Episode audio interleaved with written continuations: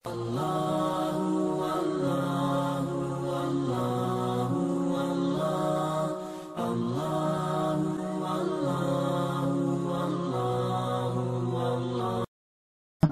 akan ajak Bapak Ibu untuk mempelajari rukia pribadi mandiri. Rukia mandiri ini adalah membaca ayat-ayat terdiri dari ayat-ayat dasar. Ayat-ayat dasar itu adalah Al-Fatihah, ayat kursi, surah Al-Kafirun, surah Al-Falaq, Al-Ikhlas, Al-Falaq, An-Nas. Enam surah.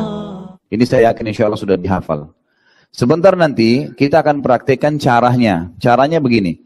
Jadi pada saat uh, membaca rukia atau Anda ingin rukia, kalau memang ada sihir, memang ada sihir, Anda pernah disihir orang atau sering mimpi buruk, ada gangguan setan, maka biasanya ya, uh, apalagi kalau kena sihir ya, kalau kita ingin rukia, setannya melapor kepada dukunnya. Ya. Ini ada dia mau rukia, karena rukia itu bisa membunuh setan itu. Sementara biasa setan ini punya kesepakatan sama tukang sihirnya, gitu kan, agar dia tidak mati, nanti dikirim bala tentara lagi. Makanya nanti rukiahnya caranya adalah membaca Al-Fatihah dengan membuka telapak tangan, kemudian setelah membaca Al-Fatihah nanti kita perhatikan rame-rame, kemudian ditiup telapak tangannya. Ya. Satu kali saja dibaca, kemudian dibaca ayat kursi, ditiup, Al-Fatihah tadi satu kali, ayat kursi sekali, kemudian baca Al-Kafirun sekali, baca Al-Ikhlas sekali, Al-Falak sekali, An-Nas sekali.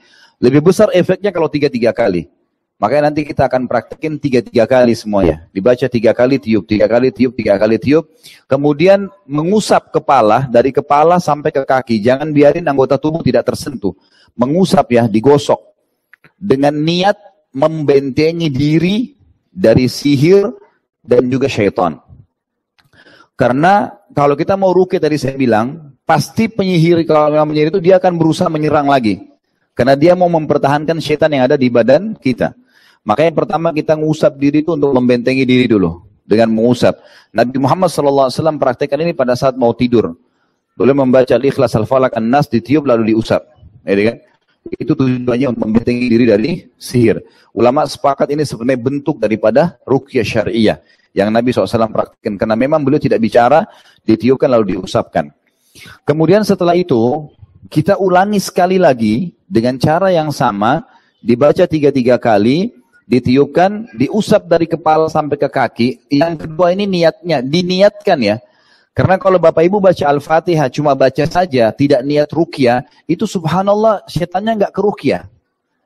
Innamal amalu bin niat, harus dengan niatnya. Makanya ada orang kena sihir 10 tahun pun dia tidak tahu kalau kena sihir. Karena dia sholat di masjid. Imam yang baca ayat, niatnya baca Al-Quran. Subhanallah dia cuma rasa panas tapi nggak ngusir. Tapi kalau rukia, biar baca sekali ayat kursi itu sudah membakar, oh menyerang dia, gitu kan? Makanya niatnya begitu. Nah yang kedua kita baca nanti masing-masing tiga kali juga, ya. Atau kita perhatikan sekali atau tiga kali sama saja sebenarnya cuma tiga kali itu lebih besar efeknya. Baca Al-Fatihah tiga kali, ayat kursi tiga kali, Al-Kafirun tiga kali, Al-Ikhlas tiga kali, Al-Falak tiga kali, An-Nas tiga kali. Ditiup setiap habis baca ya, Tiup sekali, tiup nanti saya tuntun sebentar. Kemudian usap kepala, dari kepala digosok, kuping digosok, mata semua, leher semua, jangan disisain. Tangannya digosok ya. Semua, mohon maaf di daerah kemaluan, kadang-kadang ada orang suami istri sudah nggak mau berhubungan, biasa pengaruh sihir. Maka diusap sampai di kaki. Sampai di kaki. Ini yang kedua, biasanya efeknya kalau ada sihir merasa panas. Panas daerah tangannya. Cuma baca ayat ini ya, panas sekali rasa kadang-kadang. Ada kadang-kadang merinding, kadang-kadang sendawa. Ada yang biasa kalau sihirnya masuk dalam bentuk makanan, dia rasanya mau muntah, gitu kan? Tapi jangan dibuat-buat nanti muntahnya ya. ya. ini memang alami, memang dia mau muntah. Ya. Kalau biasanya di Indonesia, kalau ada praktek rukyah itu memang saya minta panitia siapin kresek. Karena jangan sampai muntah di depan nanti. Eh nanti itu muntah reaksi, itu nggak apa-apa. Itu jangan khawatir. Kalau ada merasa gelisah, ya mau buang air besar, mau buang air kecil, keringat dingin, sakit kepala tiba-tiba, sendawa, itu semua reaksi daripada adanya pengaruh daripada sihir tersebut, gitu kan? Nah biasanya kalau sudah mau masuk ke rukyah seperti ini, ada yang panas-panas kupingnya, dan itu, itu berarti sudah ada reaksi-reaksi ringan. Tapi nggak apa-apa. Kenapa? Udah panas? Baik. Jadi itu ada reaksi, tapi tidak usah khawatir. Kalau ada orang yang merasa dirinya kayak tidak bisa menguasai diri, beristighfar kepada Allah. Astagfirullah wa atubu ilaih. Ya Allah berikan hamba kekuatan. Berdoa sendiri. Jadi jangan sampai kesurupan. Ngerti nggak? Orang kesurupan itu kan dia tidak bisa ngontrol dirinya. Jadi kalau dia kontrol nggak bisa, dia akan lebih kuat daripada syaitan itu. Jadi terus nanti diusap, gitu kan? Ini metode untuk merukyah diri sendiri. Nanti kita akan praktekkan secara kelompok. Setelah masing-masing nanti rukyah begitu, siapa di antara Bapak Ibu yang merasa tidak enak, tidak usah malu, ya karena ini pengobatan. Nanti dia duduk di tengah-tengah, kita buat kelompok, satu orang dikeroyokin dengan empat orang temannya. Bapak-bapak ada empat orang, empat orang. Nanti yang teman-teman yang empat ini bacain ayat rukyah, tiup usap di badannya. Ibu-ibu juga gitu, diusapin, dibantu dia. Biasanya tuh lebih cepat efeknya, gitu kan? dan ucapkan kalimat begini, ukhruj ya Allah, ukhruj ya Allah. Artinya keluar wahai musuhnya Allah. Bisa bahasa Indonesia nggak apa-apa. Jadi jin itu subhanallah faham apa yang kita ucapkan, gitu kan? Jadi keluar wahai musuhnya Allah. Karena Nabi SAW pernah menepuk pelapa kurma kepada sahabat yang kemasukan syaitan lalu mengatakan keluarlah wahai musuh Allah ditepuk lari syaitannya lari, gitu kan? Seperti itu. Jadi itu nanti akan digunakan dengan cara masal ya. Rame-rame diusap-usapin Kemudian usahakan, saya katakan tadi kalau ada yang bereaksi tenang saja, nggak apa-apa. Dan jangan usahakan syaitan menguasai dia. Yang penting dia sudah tahu, oh ternyata ada reaksi. Dan ini bukan malu, jangan jangan merasa malu. Ini pengobatan. Kalau bapak ibu malu, ditahan. Banyak orang di metode rukyah, nggak bereaksi karena dia cuma tahan, malu depan orang. Akhirnya dia pulang, dia sendiri pusing, dia mimpi nggak enak malamnya, jadi masalah. Padahal kalau di ruangan seperti ini bisa ditanggulangin. Saya tuntun caranya, gitu kan? Kalau perlu dikeroyokin satu suro kita, itu. Bisa langsung mati jinnya. Baik, itu metode rukyah yang kita akan pakai sebentar lagi. Kemudian nanti ada metode rukyah yang lain. Saya nggak tahu di Australia ada atau tidak ya. Tapi di Indonesia ada namanya daun bidara. Bisa di shirt, dilihat gambarnya daunnya itu ada daun bidara. Saya yakin di sini ada. Daun bidara itu subhanallah Daun yang kalau di Indonesia biasa di penjual pohon itu katakan pohon apel India. Jadi buahnya itu seperti apel Malang warna hijau, buahnya manis. Tapi agak berbeda sedikit, sama dengan apel Malang mirip begitu tapi dia lebih kecil. E, batangnya itu berduri. Batangnya berduri. Nah itu daunnya, daunnya itu disunahkan dipakai untuk memandikan jenazah dan juga merukyah. Subhanallah, daun bidara ini seperti duri bagi syaitan bagi duri. Pernah saya ajarin salah satu ibu, ini baca ini, gitu kan? Kemudian tiupkan ke air, ya, suruh minum. Air rukia itu apalagi daun bidara, orang yang kena sihir nggak mau minum. Dia bilang ada durinya, nggak mau, gitu kan? Ya itu jadi tidak usah khawatir minum. Kalau kita merasa nggak nyaman minum, tidak ada masalah. Nah daun bidara ini disunahkan dalam hadis Nabi SAW diambil tujuh lembar, diulek. Kalau kita sekarang bisa di blender, itu kan di blender. Ini sebenarnya gampang sekali ya. Kalau misalnya ada kerabat yang lagi terbang dari Indonesia, Allahu alam saya nggak tahu bisa nggak masuk di, di Australia kalau tidak ada di sini. Dia mudah sekali kalau dicangkok, dipatah saja batangnya, ditancapin di tanah tumbuh. Subhanallah. Dan daunnya itu setiap kali kita cabut kan sunnahnya tujuh lembar. Setiap kali kita petik depan rumah saya banyak pohon bidara. Saya cabut tujuh lembar, tumbuh lagi sebentar. Sejam kemudian sudah keluar daunnya. Cepat sekali. Cuma buahnya kadang-kadang yang agak lama, karena buahnya juga enak. Kalau lagi umur atau haji itu sering kali dekat Masjid Nabawi ada gerobak jual buah, dia jual buahnya kayak apel malang. Itu namanya uh, buah bidara, gitu kan? Buah bidara. Ya ini juga ini besar sekali efeknya dalam rukyah. Nah, kalau nanti Bapak Ibu merasa reaksi pada saat kita rukyah mandiri ini, maka dikembangkan dengan rukyah yang menggunakan air. Air ini Bapak Ibu sekalian misal teh yang mau diminum. Ya, air putih yang mau diminum, air yang dipakai mandi, itu di rukyah. Rukyah tadi ayat-ayat itu saja. Baca Al-Fatihah tiga kali, ayat kursi, Al-Kafirun, Al-Ikhlas, Al-Falak, An-Nas. Tiup ke teh itu, niat ngerukyah, lalu minum. Minum sendiri. Dan ingat, rukyah yang paling efektif adalah merukyah diri sendiri. Jangan gantungkan pada perukyah. Karena kalau perukia itu dia tidak mungkin bisa mengurus. Kalau setiap jamaah diurus itu akan lama. Makanya sekarang kita kembangkan metode baru di Jakarta itu mengajarkan rukia mandiri. Ini mandiri namanya. Karena bapak ibu kapan saja lagi nyetir mobil rasa nggak enak, ketakutan, langsung baca tadi tiup usapin. Mampir sedikit ke sebelah, baca usapin, hilang tuh. Langsung hilang dengan izin Allah. Mimpi nggak enak, apa saja, merasa gelisah, bacain. Anak-anak gelisah nggak bisa tidur, bacain, usap badannya, gitu kan? Ini juga ada tadi yang saya lupa sampaikan Bapak Ibu sekalian. Ada selain sihir yang sering kali banyak kena orang dan dia tidak tahu itu namanya mata panas. Pernah dengar ya? Mata panas ini kata Nabi SAW adalah eh, mata panas benar terjadi. Mata panas itu begini, dalam bahasa memang begitu. Penyakit ain namanya. Jadi ada orang yang hatinya sering iri iri terus. Setiap lihat orang apa pun kelebihannya pasti dia iri. Nah, kalau dia biasakan di hatinya, itu efeknya ke matanya dia. Jadi kalau dia lihat sesuatu bisa merusak. Contoh, ibu-ibu punya anak lucu misalnya, lalu ada ibu-ibu lain yang lihat terus dia hasut misalnya. Oh anak kamu lucu ya, pastikan kalau dia hasut ada penyakit lain, anak itu nggak bisa tidur nanti malam. Gelisah, nangis, gitu kan? Seperti itu. Itu tinggal di rukia, bacain ayat diusap, tidur anaknya insya Allah. Gitu kan? Jadi ini juga termasuk. Makanya cara yang terbaik untuk membentengi dari mata itu selalu bilang Masya Allah. Orang puji, oh ibu, bapak, bagus mobilnya ya, Masya Allah. Rumahnya bagus ya, Masya Allah. Selalu begitu. Kerjanya bagus ya, Masya Allah. Itu yang harus kita. Karena kita bilang Masya Allah, maka akan selesai sebenarnya. Akan selesai pada saat itu. Kalau di Saudi sudah biasa, kalau rumahnya orang di depan ditulis besar-besar, Masya Allah, Tabarakallah. Depan pintunya. Gitu kan? Jadi dijadikan seperti ukiran keramik gitu. Jadi orang begitu lihat pintu langsung baca itu dulu, jadi tidak kena mata gitu. Memang bahaya. Kalau terlalu berat penyakit matanya, itu kalau mobil lewat dia lihat, oh bagus ya, tabrak. Bisa bahaya. Penyakit mata itu berat sekali memang, gitu kan. Makanya itu harus diobatin. Itu juga bisa dengan rukyah. Tapi kita masih fokus tentang masalah sihir. Baik, metode merukyah air yang kita lanjutkan tadi adalah merukyah minuman yang mau diminum. Ibu-ibu kalau mau masak, itu kan rukyah. Sayurnya, Mau masak nasi airnya dimasukin, itu semua bisa dirukyah. Mau cuci baju, iya betul. Mau cuci baju kalau itu terutama kalau sudah parah ya, satu keluarga biasa di Jakarta tuh ada yang disihir satu keluarga.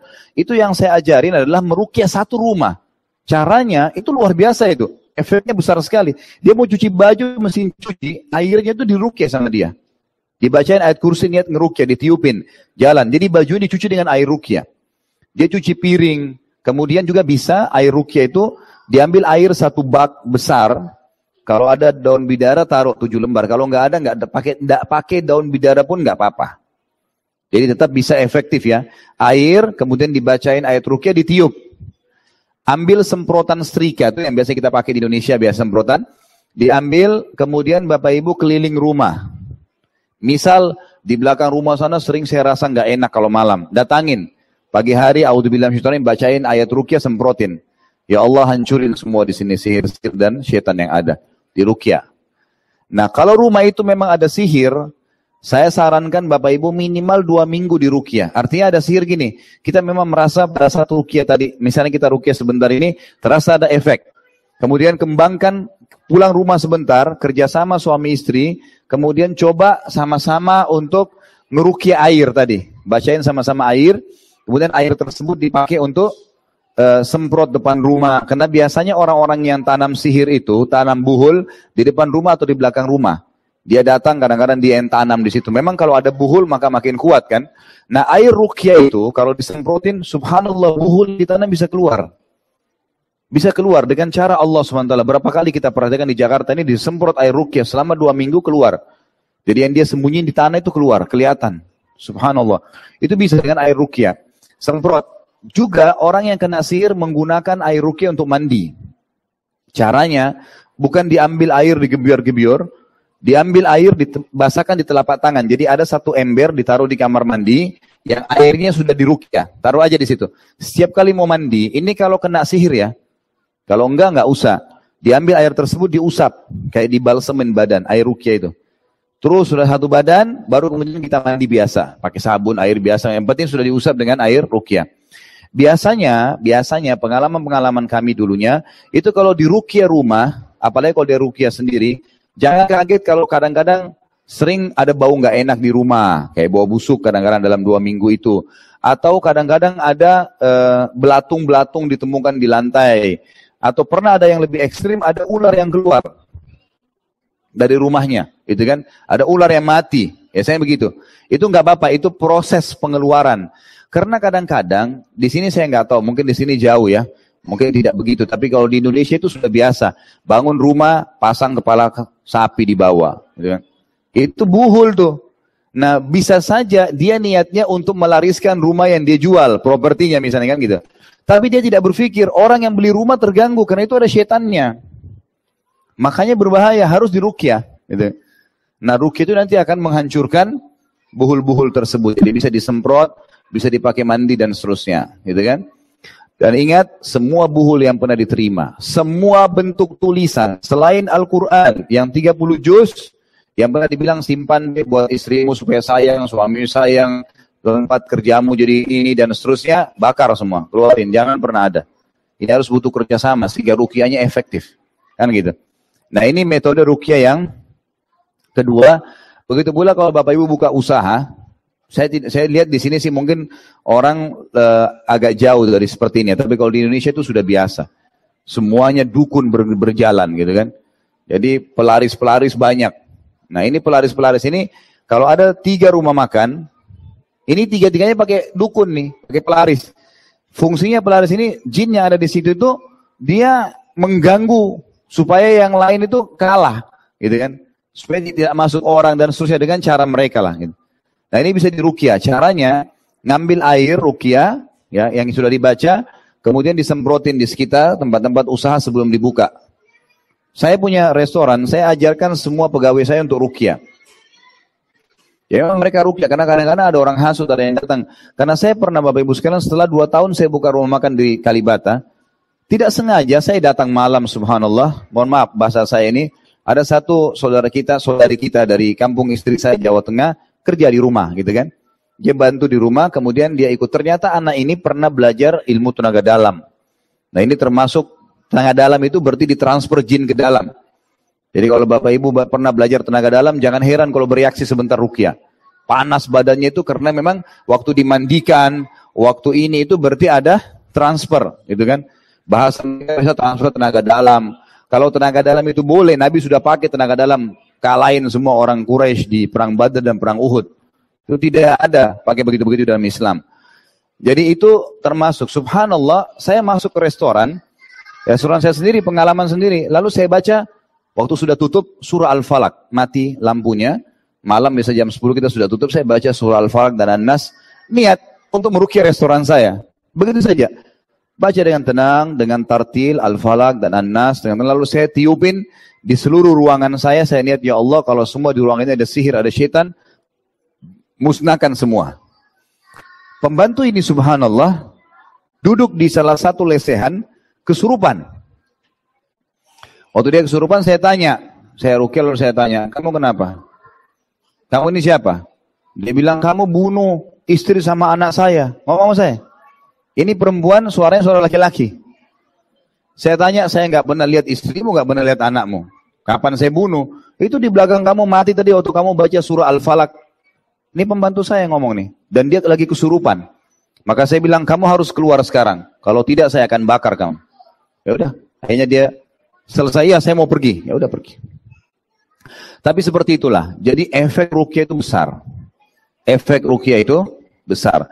Jadi tidak usah merasa e, nanti akan seperti apa ya kesurupan tidak usah. Jadi kuatkan hati, tidak perlu terganggu dengan itu. Merasa nggak enak nggak apa-apa. Bahasakan kalau emang rasanya kayak nggak enak nih ya sudah. Berarti kita merasa mungkin dulu kita pernah disihir orang kita nggak tahu. Mungkin kita pernah dulu pergi Allah alam itu proses pembersihan. Jadi biarin aja, gitu kan? Jelas sampai sini Bapak Ibu sekalian? Siap praktek? Wah, cuma tiga orang.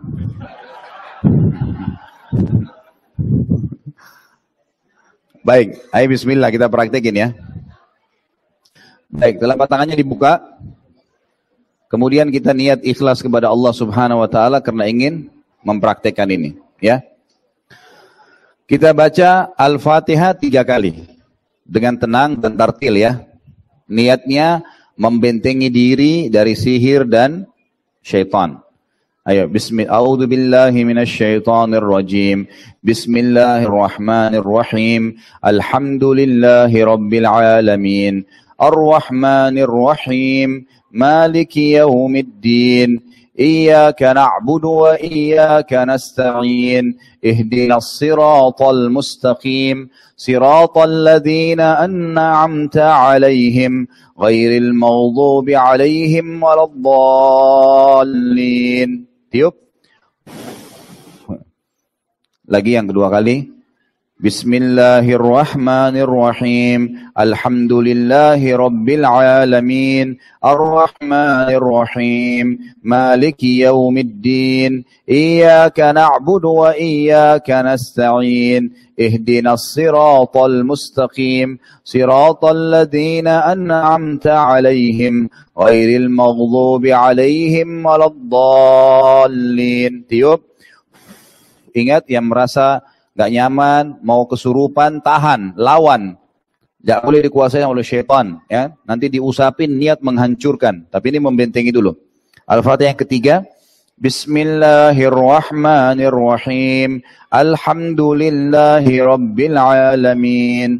Ar-Rahmanirrahim. Maliki yaumiddin. Na'budu wa iyaka nasta'in. اهدنا الصراط المستقيم. صراط الذين أنعمت عليهم غير المغضوب عليهم ولا الضالين. Tiup lagi sekarang ayat kursi. أعوذ بالله من الشيطان الرجيم. بسم الله الرحمن الرحيم. الله لا إله إلا هو الحي القيوم. لا تأخذه سنة ولا نوم. له ما في السماوات وما في الأرض.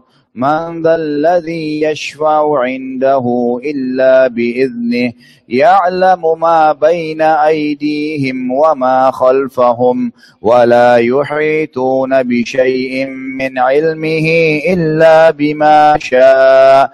وسع كرسيه السماوات والأرض ولا يؤوده حفظهما وهو العلي العظيم. Baik, kita langsung masuk ke Al-Kafirun. Baca sekali saja dulu. A'udzu billahi minasyaitonir rajim. Bismillahirrahmanirrahim. Qul ya ayyuhal kafirun la a'budu ma ta'budun. ولا أنتم عابدون ما أعبد ولا أنا عابد ما عبدتم ولا أنتم عابدون ما أعبد لكم دينكم ولي دين tiup tiup ya Begini ya. Jadi niatkan bacaannya itu memang ditiup ke telapak tangan. Baca Al-Ikhlas أعوذ بالله من الشيطان الرجيم. بسم الله الرحمن الرحيم. قل هو الله أحد الله الصمد لم يلد ولم يولد ولم يكن له كفوا أحد. تيوب. الفلك أعوذ بالله من الشيطان الرجيم. بسم الله الرحمن الرحيم. قل أعوذ برب الفلق. من شر ما خلق. ومن شر غاسق إذا وقب. ومن شر النفاثات في العقد. ومن شر حاسد إذا حسد. الناس. أعوذ بالله من الشيطان الرجيم. بسم الله الرحمن الرحيم. قل أعوذ برب الناس ملك الناس إله الناس من شر الوسواس الخناس الذي يوسوس في صدور الناس minal jinnati wan nas. Tiup. Sekarang usap dari kepala, diusap, diusap, diusap. Usap terus. Dan ada bagian badan yang tidak kena. Kuping, leher belakang, wajah, semuanya. Lehernya, telapak tangan, diusapin semua. Niat ini membentengin diri dari semua sihir dan syaitan yang ada di badan. Semua perutnya, punggungnya. Siapa yang selama ini rasa sakit-sakit di bagian tubuh tertentu tanpa sebab. Misalnya tidak ada sesuatu, tidak ada rematik, coba digosok lebih lama di situ. Digosok-gosokin. Hah? Merinding. Tidak apa-apa, itu efek. Karena kadang-kadang ada ada juga setan yang datang iseng, ya. Emang dia iseng.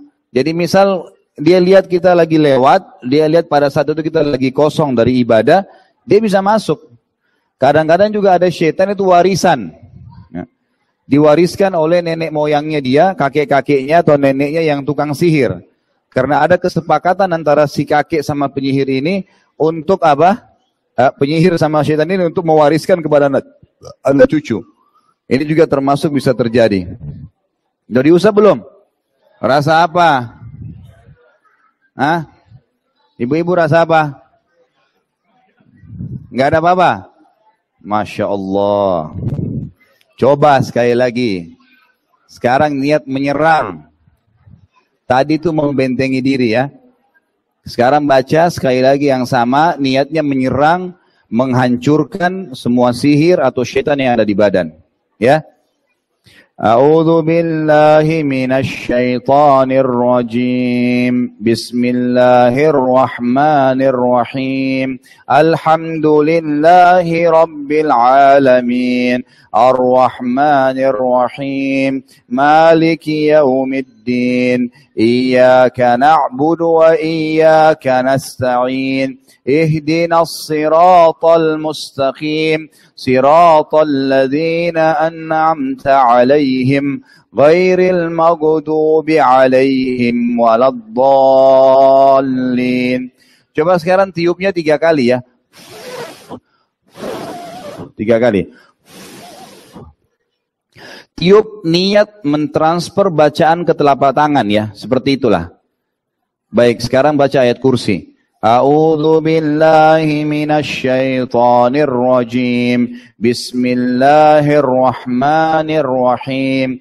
الله لا إله إلا هو الحي القيوم. لا تأخذه سنة ولا نوم. له ما في السماوات وما في الأرض. من ذا الذي يشفع عنده إلا بإذنه. يعلم ما بين أيديهم وما خلفهم ولا يحيطون بشيء من علمه إلا بما شاء. وسع كرسيه السماوات والأرض ولا يؤوده حفظهما وهو العلي العظيم. Tiup. Tiga kali. Baik, sekarang baca Al-Kafirun. أعوذ بالله من الشيطان الرجيم بسم الله الرحمن الرحيم.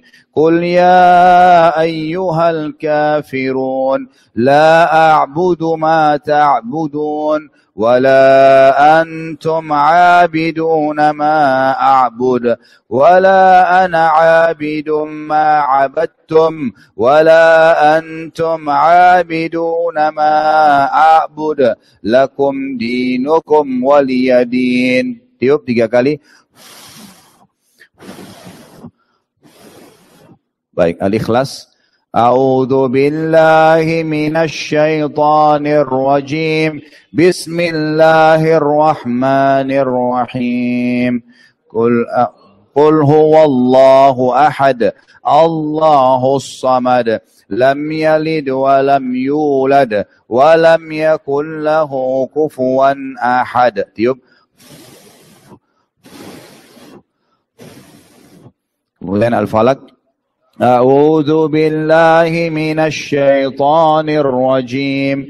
بسم الله الرحمن الرحيم. قل أعوذ برب الفلق من شر ما خلق ومن شر غاسق إذا وقب ومن شر النفاثات في العقد ومن شر حاسد إذا حسد. الناس. أعوذ بالله من الشيطان الرجيم. بسم الله الرحمن الرحيم. قل أعوذ برب الناس ملك الناس إله الناس من شر الوسواس الخناس الذي يوسوس في صدور الناس من الجنة والناس Niat sekarang, ingat niatnya ya. Niat, ya Allah hancurin semua. Tidak terkecuali sihir dan setan di badan saya. Usap dari kepala. Niatnya begitu dalam hati. Terus, hancurin semua. Minta sama Allah agar dihancurin semua. Jangan tersisa lehernya, telapak tangan. Kalau ada yang dirasa tiba-tiba nggak enak, terus gosok di situ. Biarin di situ. Terus, hancur ya Allah, hancurin gitu. Ya minta kepada Allah agar dihancurin. Terus. Kalau yang dirasa nggak enak di mana? Di perutnya, di kakinya.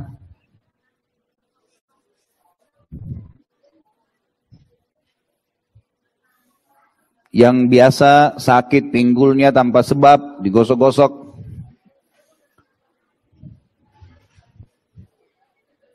Bagaimana? Hah, ada yang rasa sesuatu? Ada yang tiba-tiba ketawa sendiri. Merinding. Yang lain gimana nih?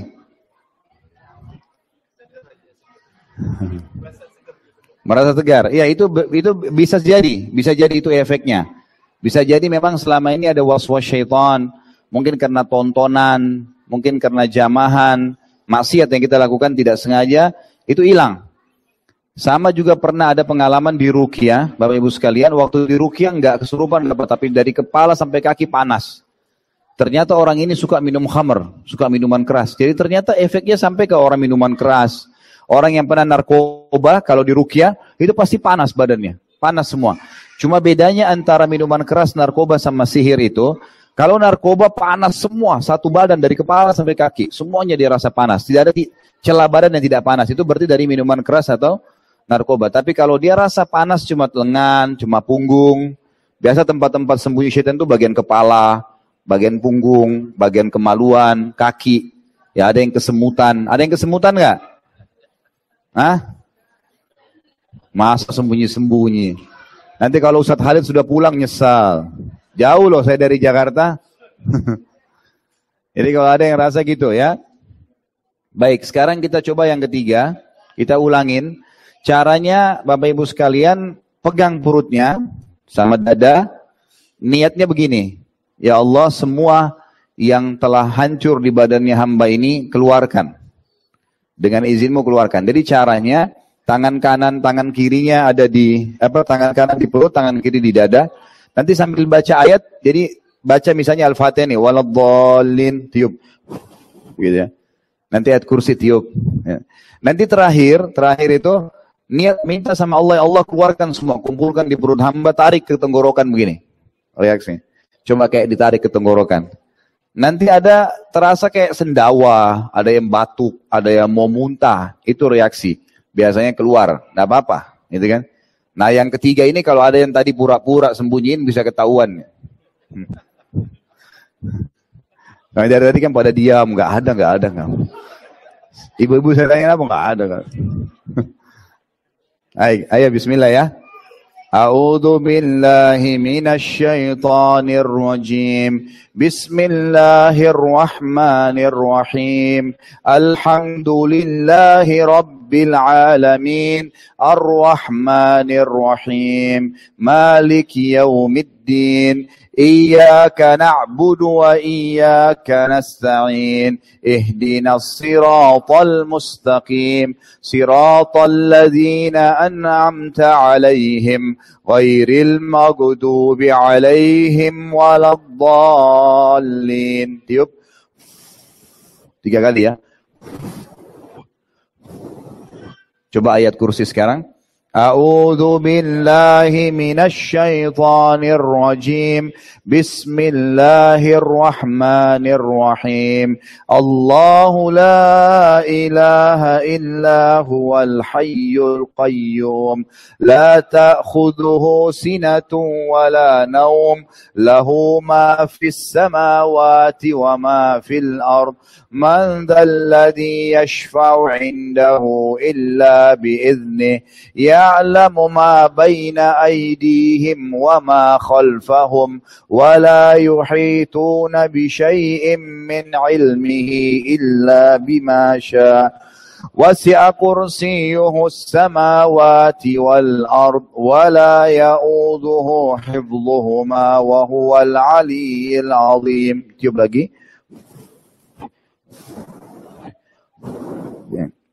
Sekarang kita masuk ke Al-Kafirun. أعوذ بالله من الشيطان الرجيم. بسم الله الرحمن الرحيم. قل يا أيها الكافرون لا أعبد ما تعبدون ولا أنتم عابدون ما أعبد ولا أنا عابد ما عبدتم ولا أنتم عابدون ما أعبد lakum dinukum waliyadin. Tiup. Tiga kali. Al-Ikhlas. أعوذ بالله من الشيطان الرجيم. بسم الله الرحمن الرحيم. قل هو الله أحد الله الصمد. لم يلد ولم يولد ولم يكن له كفوا أحد. الفلك أعوذ بالله من الشيطان الرجيم. بسم الله الرحمن الرحيم. قل أعوذ برب الفلق من شر ما خلق ومن شر غاسق إذا وقب ومن شر النفاثات في العقد ومن شر حاسد إذا حسد. Tiga kali. الناس.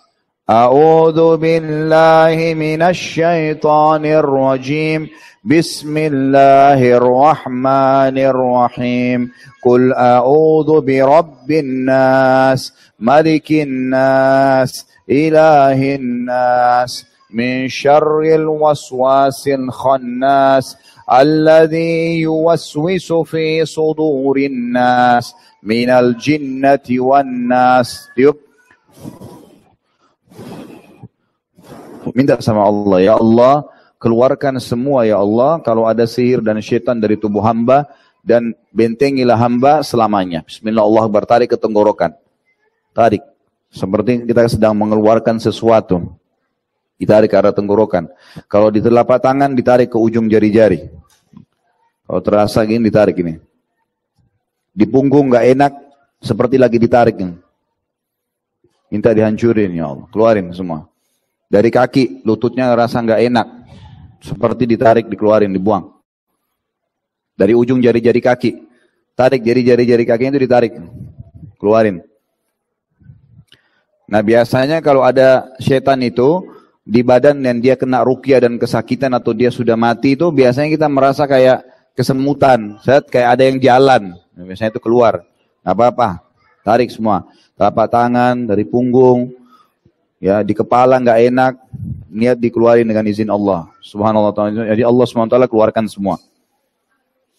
Bagaimana? Nah, sendawa boleh nggak apa-apa. Keluarin semua.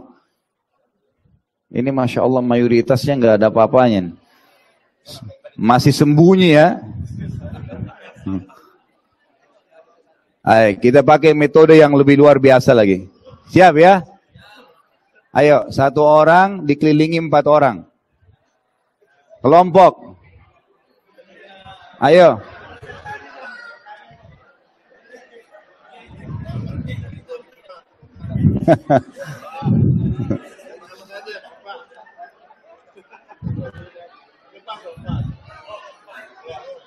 Gak apa-apa, gak apa-apa Pak. Biar lebih gak apa-apa.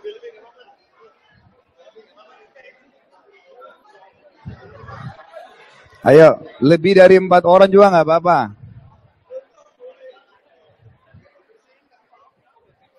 Gak apa-apa. Ingat, Bapak Ibu sekalian jangan malu. Tidak boleh malu kalau dalam pengobatan. Gabung aja, Ki. Gabung situ. Oh, sudah. Bisa lebih nggak apa-apa, tapi minimal satu orang dikerumuni sama empat orang. Kalau lebih nggak apa-apa. Sudah belum? Iya, pokoknya ada satu orang di tengah. Yang di tengah ini siapa tadi yang merasa nggak enak? Coba biar dikeroyokin sama teman-temannya. Duduk di tengah-tengah nanti yang lainnya baca. Sudah belum?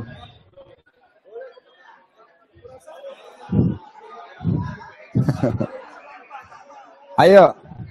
Sudah belum? Ayo. Sekarang mulai ya. Yang di yang di tengah-tengah minta kepada Allah agar disembuhin kalau merasa nggak enak. Teman-temannya yang lain tadi baca itu. Baca Al-Fatihah masing-masing, gitu kan? Tiup, usap ke badan temannya. Jadi yang di tengah itu diusapin. Diusap badannya, ya. Boleh, kalau mau baca boleh. Tapi yang jelas dia lagi di terapi. Teman-temannya keroyokin. Ayo mulai, mulai Bapak Ibu sekalian. Kenapa? Bentar, bentar, saya nggak dengar. Kenapa? Nggak ada masalah. Haid, nifas boleh berobat selama masih hidup. Kalau mati baru nggak bisa. Hah? Niatnya pokoknya menghancurkan. Jadi niat menghancurkan. Nanti yang di tengah-tengah, kalau dia lagi diusap sama temannya, ada yang dia rasa nggak enak karena baca dengar ayat kupingnya, lehernya, dia bilang ini nggak enak nih. Nanti temannya usapin. Jadi bisa bisa begini ya. Dengar dulu Bapak Ibu sekalian, tenang-tenang dulu. Bisa satu kali baca, misal tadi kita sekali baca nih, itu bisa berulang-ulang usapnya. Nggak apa-apa.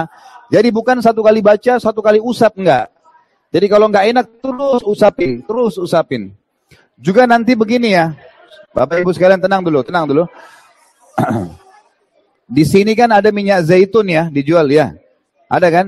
Minyak zaitun itu ada dua macam. Ada yang bisa diminum, ada yang untuk konsumsi dual. Kalau nggak salah bedanya itu tertulis yang bisa dipakai luar itu yang fomes ya. Itu dipakai. Nanti itu uh, minyak zaitunnya di rukia, ya. Minyak zaitunnya di rukia. Ibu-ibu bisa rukia juga hand body-nya. Krem yang dipakai di badan. Dibacain ayat rukia, ditiup, dipakai, diusap. Kalau minyak